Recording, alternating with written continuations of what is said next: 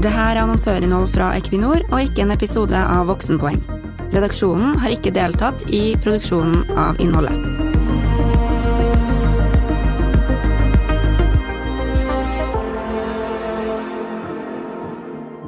En enkel måte å lykkes med det grønne skiftet på ville kanskje vært om vi hadde stoppa helt med all fossil energi.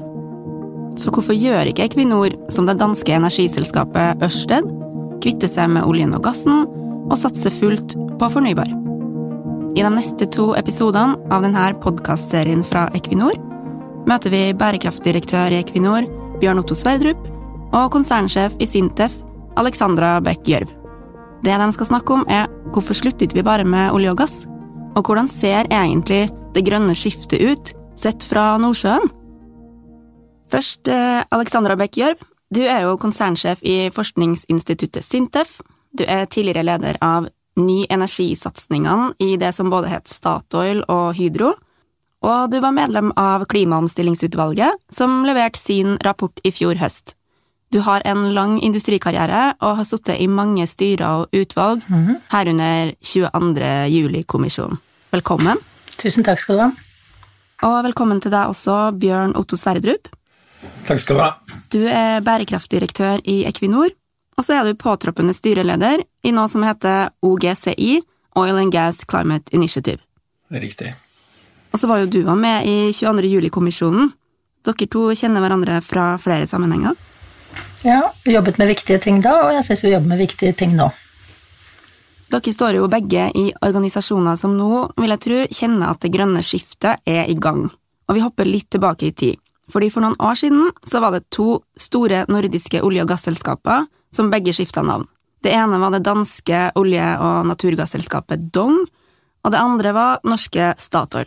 Statoil ble selvfølgelig til Equinor, og Dong skifta navn til Ørsted som samtidig kvitta seg med veldig mye av olje- og gassatsinga si, og satsa fullt på fornybar. Så Bjørn Otto, Equinor sier at dere har en ambisjon om å ta en ledende rolle i det grønne skiftet. Hvorfor gjør ikke da Equinor det samme som Ørsted? Jeg vil bare først bare si Historien med Ørsted er ganske utrolig. Fordi eh, de var dong og skifta navn, og nå er de faktisk verdt mer enn Equinor på børsen. Men jeg tror startsted er veldig ulikt for de to selskapene. For Danmark hadde vi lite oljeproduksjon, og norsk sokkel er veldig stor også i en internasjonal sammenheng. Samtidig så er det riktig å si at også Equinor er i ferd med å bli et av verdens største selskap innenfor havvind. Samtidig så er det også sånn at etterspørselen etter olje og gass i verden er fortsatt stor. Men over tid vil produksjonen gå ned. Og det er nesten en liten hemmelighet, men oljeproduksjonen i Norge er faktisk allerede halvert fra toppen. Så det som jeg tror er viktig i diskusjonen, er å si det er ikke spørsmål om skru av eller fortsette som før, men det er en del nyanser imellom her. Hvordan utvikler vi norsk sokkel best mulig, også for å være tilpassa grønn omstilling? Sintef jobber med forskning på teknologi som kan brukes både i industri, næringslivet og samfunnet ellers. Og hvis man går inn på nettsidene til Sintef nå, så ser man at nesten alle nyheter som legges ut, handler om løsninger som på en eller annen måte er knytta til grønn omstilling, lavere utslipp og bærekraft. Og Alexandra, hva tenker du om spørsmålet hvorfor kan ikke vi bare kutte ut olje og gass? Vi vedtok for to år siden i styret vårt at FNs bærekraftmål skal være styrende for forskningsvirksomheten vår. Så det har vært noen som sa hvorfor, hvordan kan Sintef fortsette å jobbe med oljeindustrien når vi har vedtatt at vi skal bære, liksom, ha bærekraftmålene som førende?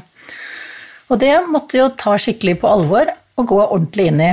Eh, jeg var med i dette klimaomstillingsutvalget, og det var veldig lærerikt. Da snakket vi med liksom, forskere fra av alle, alle avskygninger av politikk. Og det du ser, er at det er en enorm transisjon. Energi er så sentralt i alt vi gjør, og det er fortsatt utrolig mye fossil energi, selv om man jobber på spreng for å få til fornybare løsninger. Jeg så EU har anslått at bare i EU så trenger man 270 milliarder euro, altså nesten 2700 milliarder kroner investert hvert år, til 2030. Det er en enorm skute som skal snus. Og alle scenarioer fra klimapanelet legger jo til grunn at olje og gass uansett liksom, så er olje og gass med oss en god stund til. Så vår konklusjon i Sintef da, på, etter å ha grublet oss igjennom dette, her, er at vi må kunne være med å støtte eh, så skånsom som mulig olje- og gassproduksjon gjennom den transisjonen mot en 1,5-gradsscenario. All olje og gass over tid, alle fossile ting, må bort dersom det har utslipp med seg. Over tid er det som vi må få til. Og det, det, er lettere å si enn å faktisk gjøre, fordi verden er så avhengig av det. Derfor vil det måtte ta noe tid, og vi skal selvsagt være veldig utålmodige på at den overgangen går.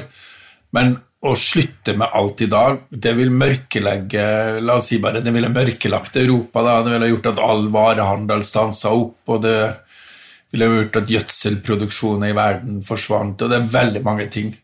Så det riktige bildet er å tenke omkring en overgang. Og da er jeg jo enig i å si man skal være veldig utålmodig på går den overgangen fort nok.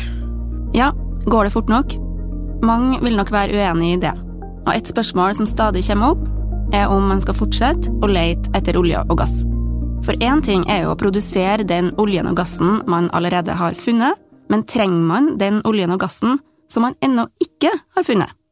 Norsk oljeproduksjon faller jo veldig raskt, mens det er noen konklusjoner eh, som jeg er blitt overbevist over, at det er mye olje og gass i bakken som vi ikke kommer til å trenge, og det må vi da heller ikke jobbe med å utvinne. Så sånn sett så sier vi i Sintef at det å støtte oljeproduksjonen rundt den infrastrukturen vi har, det er en bærekraftig og fornuftig ting som vi må stå like rakrygget rundt som å produsere solenergi. Mens hvis det kommer store prosjekter knyttet til liksom helt ny infrastruktur i helt nye regioner, så må vi tenke oss veldig grundig om før vi sier ja til å jobbe med det. Jeg tror det er veldig få i Norge som snakker om å stenge ned de store feltene på norsk sokkel i dag. For de er veldig lønnsomme, de er solide de vil være der så lenge det er et marked. Det som er, som Alexander nevnte nå, skal vi, skal vi lete mindre, rett og slett, etter, etter, å finne olje og gass. Og det er en veldig sentral problemstilling som vi i Equinor har tenkt veldig mye på. Og da tror jeg det er riktig å si at vi kommer til å fokusere mer på å lete etter nye ting for å utnytte de plattformene vi har i dag, og kanskje noe mindre over tid i helt nye områder der det ikke finnes noen sånn olje- og gassplattformer i dag, eller infrastruktur. Da. Og det er en tilpasning som dels skjer pga. økonomi, dels litt på sannsynligheten for å gjøre funn, for vi har hatt mange skuffelser på det. Og så er jo hensyn til klima og fremtidig etterspørsel. På engelsk så snakker man om the energy transition men på norsk så har vi kalt det det grønne skiftet. Men hva vil egentlig det grønne skiftet si når det kommer til både produksjon og forbruk av energi? Hva tenker dere om det, Bjørn Otto og Alexandra? Altså, jeg liker det ordet grønne skiftet, fordi det har en slags menneskelighet ved seg. Og så går det jo veldig tydelig frem med det at det dreier seg tross alt om både klimaet på kloden vår, men også naturen. Men det er klart, det grønne skiftet kommer til å kreve at veldig mye skal gjøres annerledes. Det betyr jo egentlig at over tid skal alt elektrifiseres, og all bruk av fossil energi skal bort. Og hvis du lukker øynene dine og tenker hvor Se på alle bilene i verden, alle båtene i verden, alle fly i verden. Nesten alle maskiner, all industri, komfyr, mat, emballasje. Alt dette her bruk, har jo liksom olje ved seg. Så hvordan skal vi greie det? Og det kommer til å kreve veldig veldig mange nye løsninger. Og det er spennende, for det har noe med fantasi å gjøre. Så noen har dårlig fantasi på å tenke at wow, det, vi kan ikke bare skru av og på som en bryter. altså Har ikke liksom innsikt i hvor svær verden er, egentlig. Og det er ofte liksom litt uerfarenhet, men så er det jo mange erfarne som er så låst i sine tankemønstre at ikke de ser for seg muligheten av noe annet. Og da jeg har en sånn favoritt, en sånn aha-opplevelse i livet mitt. I 2005 begynte jeg å jobbe med ja, Da hadde jeg jobbet en stund med klima, men jeg begynte å jobbe liksom med hvordan skal vi skape ny virksomhet på, på, ny energi. Og jeg sa til mine sjefer i Hydro at nå er sol det er liksom superviktig. Det kommer til å bli svært. Og så engasjerte vi masse konsulenter fra verdens beste analysebyråer. Og en av dem sa at bare glem det. Solar energy is the Gucci renewable, sa han. Det er Gucci fornybar. Det er bare egnet til å pynte seg med for å se bra ut, og ikke, kommer ikke til å få noe praktisk betydning i det hele tatt. sa liksom en sånn topp, topp, topp anerkjent konsulent i 2005. Og nå, 15-16 år senere, er jo sol liksom den største og viktigste drivkraften for det grønne skiftet i det hele tatt. Så, så det å ikke låse seg i tankemønsteret er utrolig viktig. Og det syns jeg er veldig gøy med å være leder for et stort forskningsinstitutt, det er at da heier du på, på alle hestene. Og du prøver å få liksom alle de gode hestene til å ri så fort som mulig, fordi det er gjennom konkurranse på, mellom løsninger og konseptkonkurranse at du får den raske forbedringstakten som verden trenger. Så, så, sånn sett så tror jeg det er farlig å låse seg til at én løsning er den beste. Du vet, den sier Alexander, det er bare én ting som er vanskeligere enn å få en, utvikle en ny idé. Det er nemlig å bli kvitt den gamle du har, og få den ut av hodet. Så det Jeg tror du er inne på noe der. Mm. Og det må vi alle jobbe med.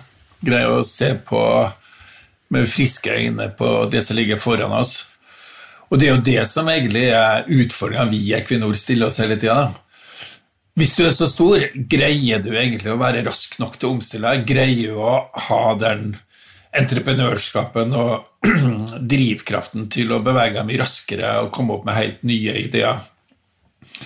Og det er nok juryen ute på, ikke sant? Mm. Eh, men, men, det er jo noen ting som vi må jobbe veldig mye med. Og den nye sjefen vår, Anders Oppedal, har vært tydelig på det, og nå gjør han en stor endring i organisasjonen. Og jeg tror en av de tingene jeg ønsker å få frem, er mer av den spiriten da, og, og til å skape og til å åpne opp for å se nye løsninger. Equinor er jo bare ett av mange energiselskaper som står i møte med det grønne skiftet. Og Bjørn Otto, du skal snart begynne i en ny jobb der ikke bare Norges utslipp fra olje- og gassindustrien er tema, men verdens. Hvor er det du skal begynne å jobbe, og hva skal du gjøre der, Bjørn Otto? Hva blir din nye hverdag? Ja, Det er noe som heter Oil and Gas Climate Initiative. Det er OGSI. Kjernen er at tolv av verdens største olje- og gasselskap eh, gikk sammen før Parisavtalen og, si, eh, og sender og sier vi har lyst på en ambisiøs Parisavtale, vi har lyst til å jobbe med klima. Og denne gruppa det består av både Equinor, da, men også Shell og Total og BP. Eh, men også kinesiske selskaper, CNPC. Saudi Aramco, altså Saudi-Arabia sitt selskap, men også Exxon og Chevron. Så de selskapene her utgjør til sammen 30% av verdens olje- og gassproduksjon. Og det er en vanvittig viktig gruppe, og den er en gruppe som er ledet av disse eh, konsernsjefene i disse selskapene, som møtes eh, jevnlig. Og formålet er rett og slett kan vi gjøre mer raskere på klima enn det vi har gjort før. Har du trua på at det er en reell vilje i denne typen selskaper? Altså, det er jo giganter vi snakker om, og som vi har vært litt inn på i dag, så har det jo gått ganske sakte tidligere. Hadde du spurt meg for fem år siden, så ville jeg sagt uh, litt usikker. Uh, det var viktige ting som har skjedd på klima. For fem år siden var det ganske vanskelig å jobbe med klima i Equinor òg. Nå er det alle heit om bord og fullt trøkk på det i hele organisasjonen. Uh, jeg tror du må være klar over at energiomstillinga, eller det grønne skiftet, er en eksistensiell trussel for disse selskapene. Og at det er helt sentralt til hvordan du skal fremtidig forme liksom, fremtiden i selskapene. Så det er viktig, eh, men enkelt er ikke, for det er kontroversielt og ubehagelig. Men jeg er ganske sikker på at over tid så kommer flere og flere selskap til å jobbe enda mer aggressivt med klima. Og disse selskapene her kan gjøre et stort bidrag hvis vi får det til. Norsk olje- og gassindustri har forandra seg mye de siste årene. Men som vi har hørt i denne episoden, så vil et reelt grønt skifte innebære at nesten alle utslipp av klimagasser må bort. Hva betyr egentlig det for framtida til norsk olje- og gassindustri? Hva slags plass har den egentlig i det grønne skiftet? Hør del to av samtalen mellom Alexandra og Bjørn Otto om ei uke. Takk for at du hørte på.